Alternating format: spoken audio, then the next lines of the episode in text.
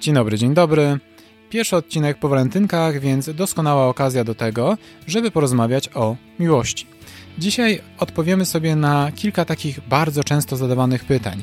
Między innymi o tym, czy miłość od pierwszego wejrzenia faktycznie jest taka niesamowicie cenna, jak odróżnić zauroczenie od prawdziwej miłości, a także, przeskakując troszeczkę na linii czasu, kiedy warto ratować związek, a kiedy raczej należałoby go zakończyć.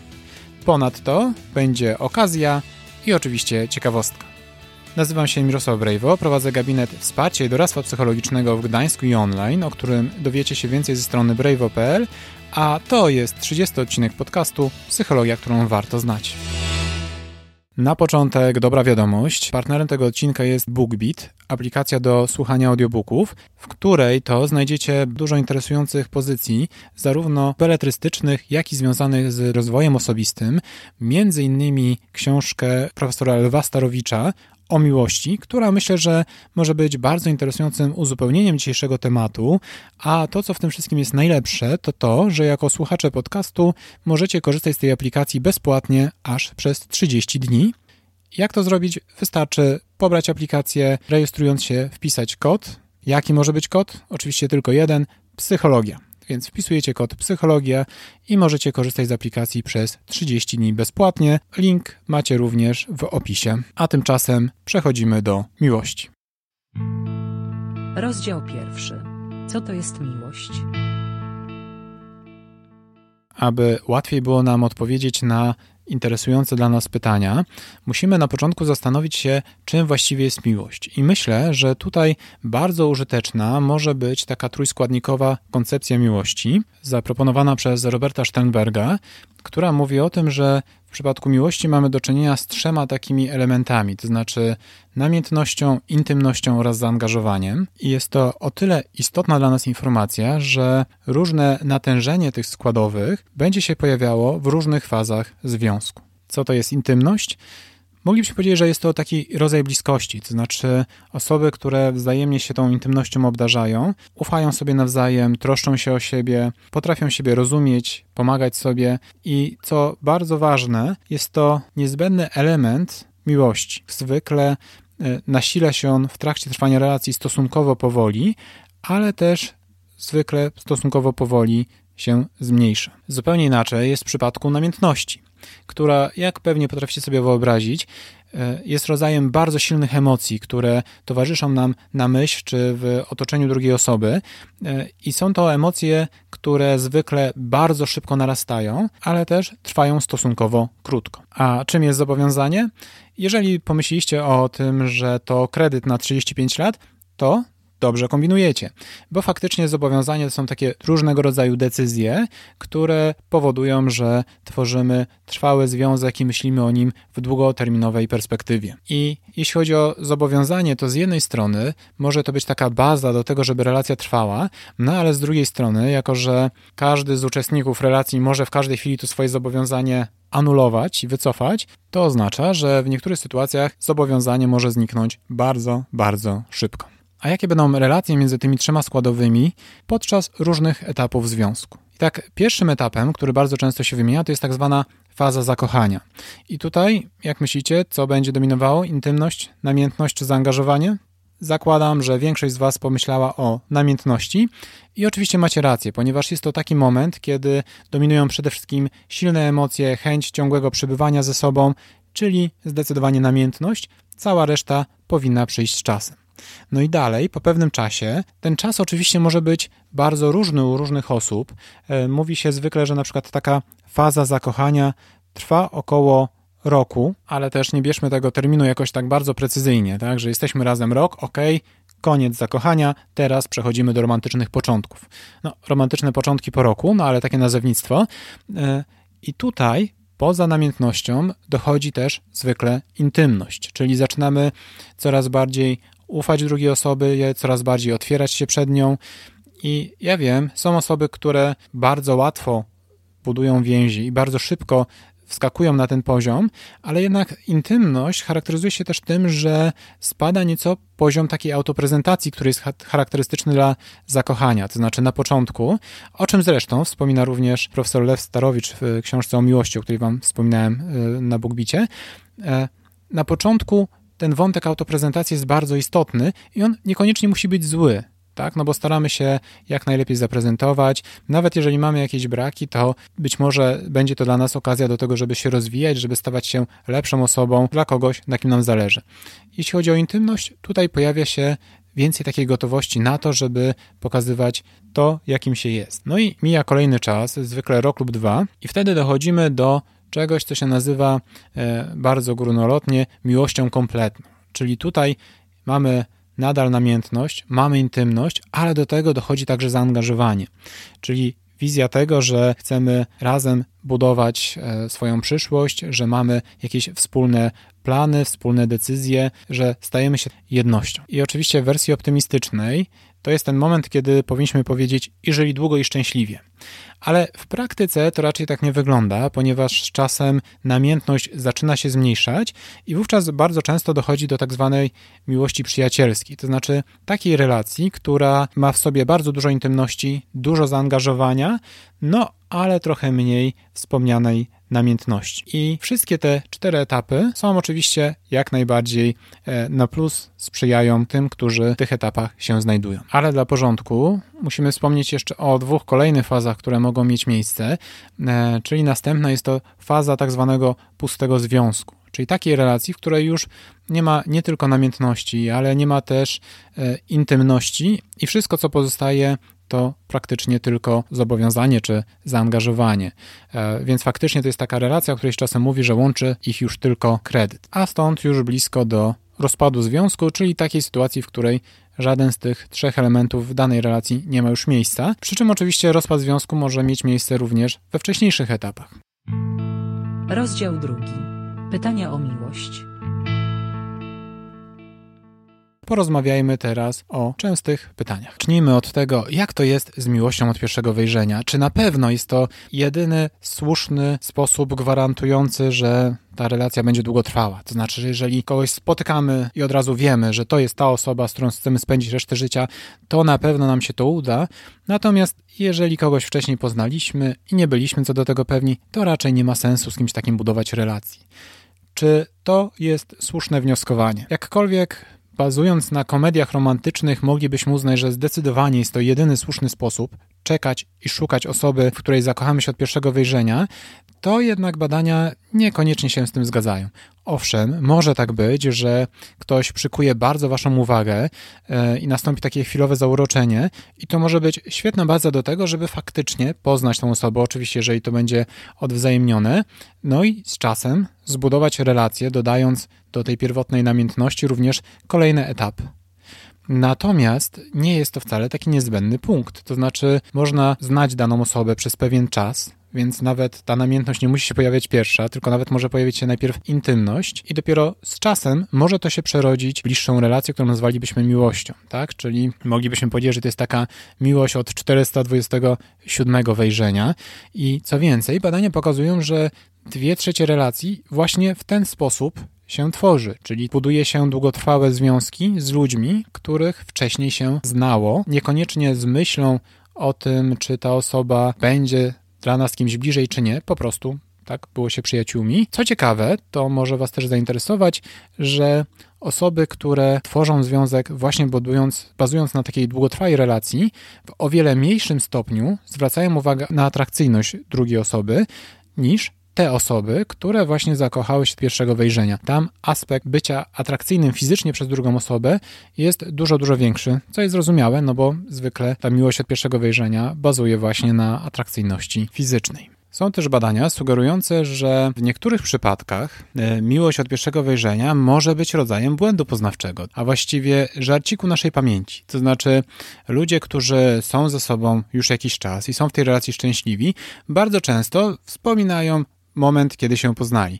I im częściej ten moment wspominają, tym bardziej utwierdzają się w przekonaniu, że właściwie od samego początku wiedzieli, że w tej osobie coś jest i że z tego związku coś może być. Natomiast ten często pojawiający się aspekt e, miłości od pierwszego wejrzenia e, stanowi kilka zagrożeń. Jedno to jest to, o czym wspomniałem, to znaczy, że wiele osób uważa, że musi czekać na taką sytuację, kiedy od razu poczuje, że ta osoba to jest ta osoba, w efekcie czego marnuje bardzo dużo okazji do tego, żeby e, zbudować wartościowe i długotrwałe relacje.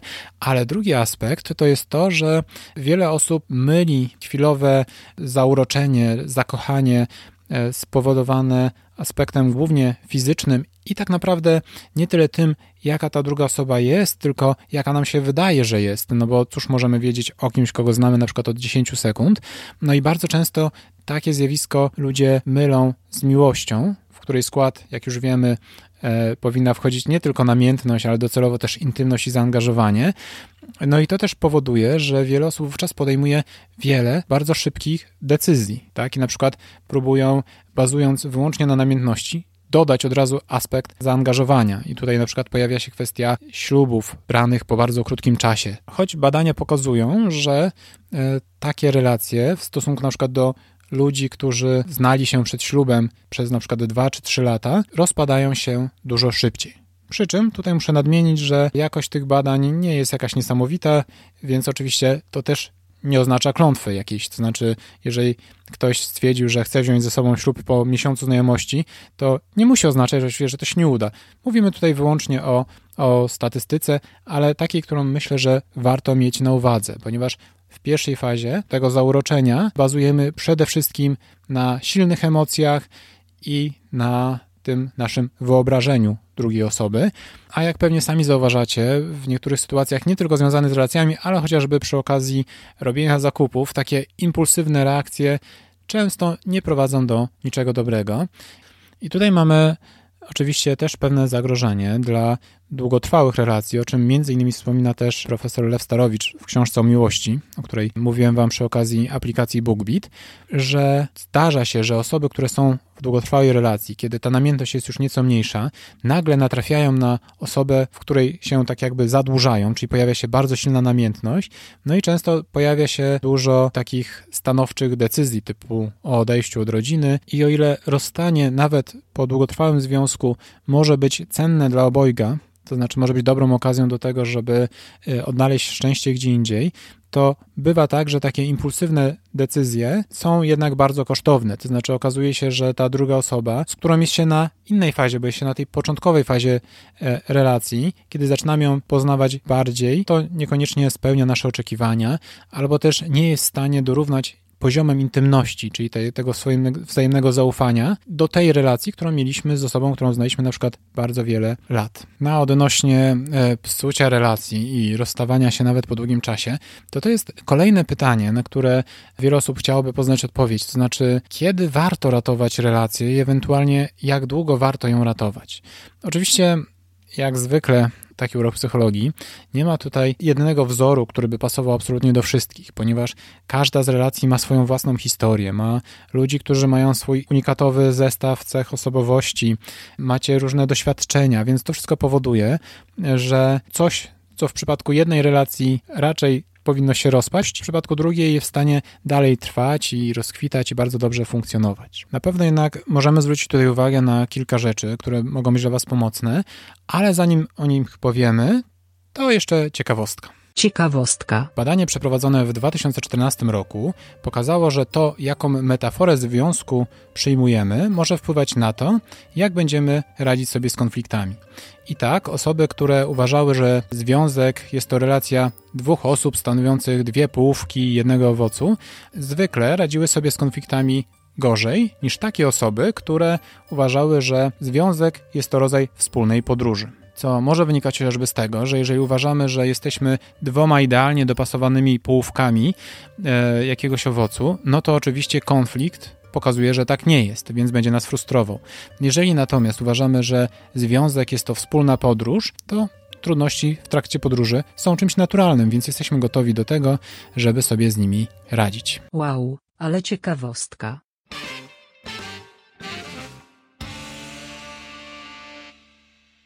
No oczywiście, skoro mówimy o ratowaniu związku, no to pojawia się też pytanie, z jakiego powodu pojawia się taka konieczność. No bo e, myślę, że jeżeli relacja funkcjonuje bardzo dobrze i te trzy składowe tam sobie działają, no to raczej nie ma powodu rozważać rozstania. Oczywiście, jeżeli obie osoby w relacji mają wrażenie, że te trzy składowe są zaspokajane. Natomiast w momencie, kiedy coś idzie nie tak, no to czasem może się taka pojawić myśl.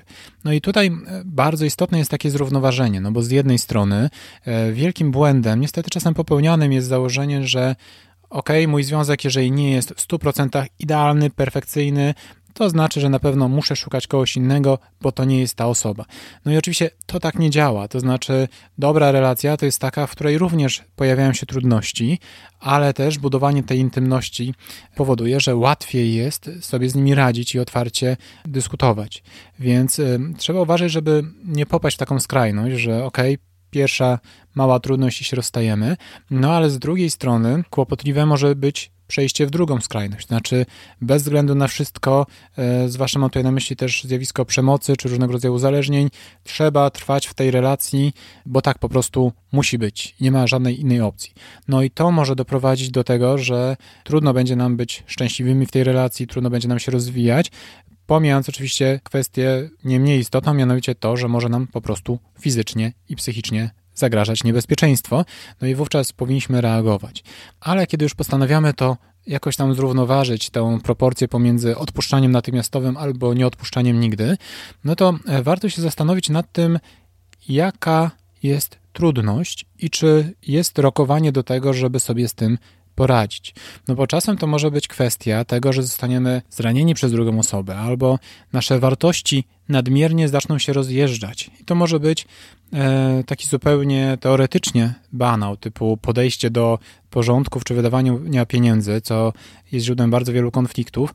Czasem to może być kwestia o wiele trudniejsza do pogodzenia, jak chociażby kwestia posiadania dzieci czy miejsca zamieszkania. No i jeżeli dostrzegamy, że istnieje możliwość tego, żeby dojść do jakiegoś porozumienia, czy to samodzielnie rozmawiając, czy to korzystając e, z poradnictwa La Par, to pewnie warto spróbować. Natomiast bez wątpienia warto też ustalić sobie jakiś limit czasu na zmiany, bo to, co stanowi często zagrożenie i powoduje, że e, te relacje właśnie stają się takimi pustymi relacjami, że ludzie są ze sobą, ale już nie w sumie nie pamiętają dlaczego, to jest to, że myślimy, ok, trzeba będzie to omówić, ok, może to się zmieni, ale nie weryfikujemy tego, czy cokolwiek się dzieje. Więc jeżeli e, dostrzegacie, że w danej relacji nie dzieje się zbyt dobrze, to ustalcie sobie jakiś czas na to, żeby e, zastanowić się, czy nastąpiła poprawa, czyli na przykład, nie wiem, trzy miesiące, pół roku. Niech to będzie też taki realny czas oczywiście do zdarzenia, bo po pierwsze nie będzie was to tak frustrowało, jak myśl, że dobra,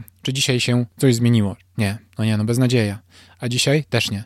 No bo zmiany nieczęsto dzieją się aż tak szybko. Natomiast jeżeli po tych kilku miesiącach zobaczycie, że faktycznie nie ma zauważalnej różnicy, no to być może warto będzie podjąć kroki zmierzające do tego, żeby taką relację zaprzestać. Myślę też, że ten model o którym Wam wspominałem, czyli ten składający się z intymności, zaangażowania i namiętności, może być dla Was też pewną wskazówką, to znaczy zaobserwowanie, które z tych aspektów są u Was na jakim poziomie. Ale też oczywiście ogólnie zastanówcie się, do jakiego stopnia macie wrażenie, że Wasze potrzeby, łącznie ze wspomnianą potrzebą bezpieczeństwa też w relacji, są zaspokajane. Natomiast raz jeszcze warto pamiętać o tym, żeby nie przesadzać z nadmiernym stawianiem sobie poprzeczki i uważaniem, że relacja musi być w 100% idealna, ale warto też mieć poczucie, że pewne rzeczy typu przemoc są niedopuszczalne i nie powinny być w żaden sposób tolerowane. Przy naprawianiu relacji, tak jak mówiłem Wam o tym, że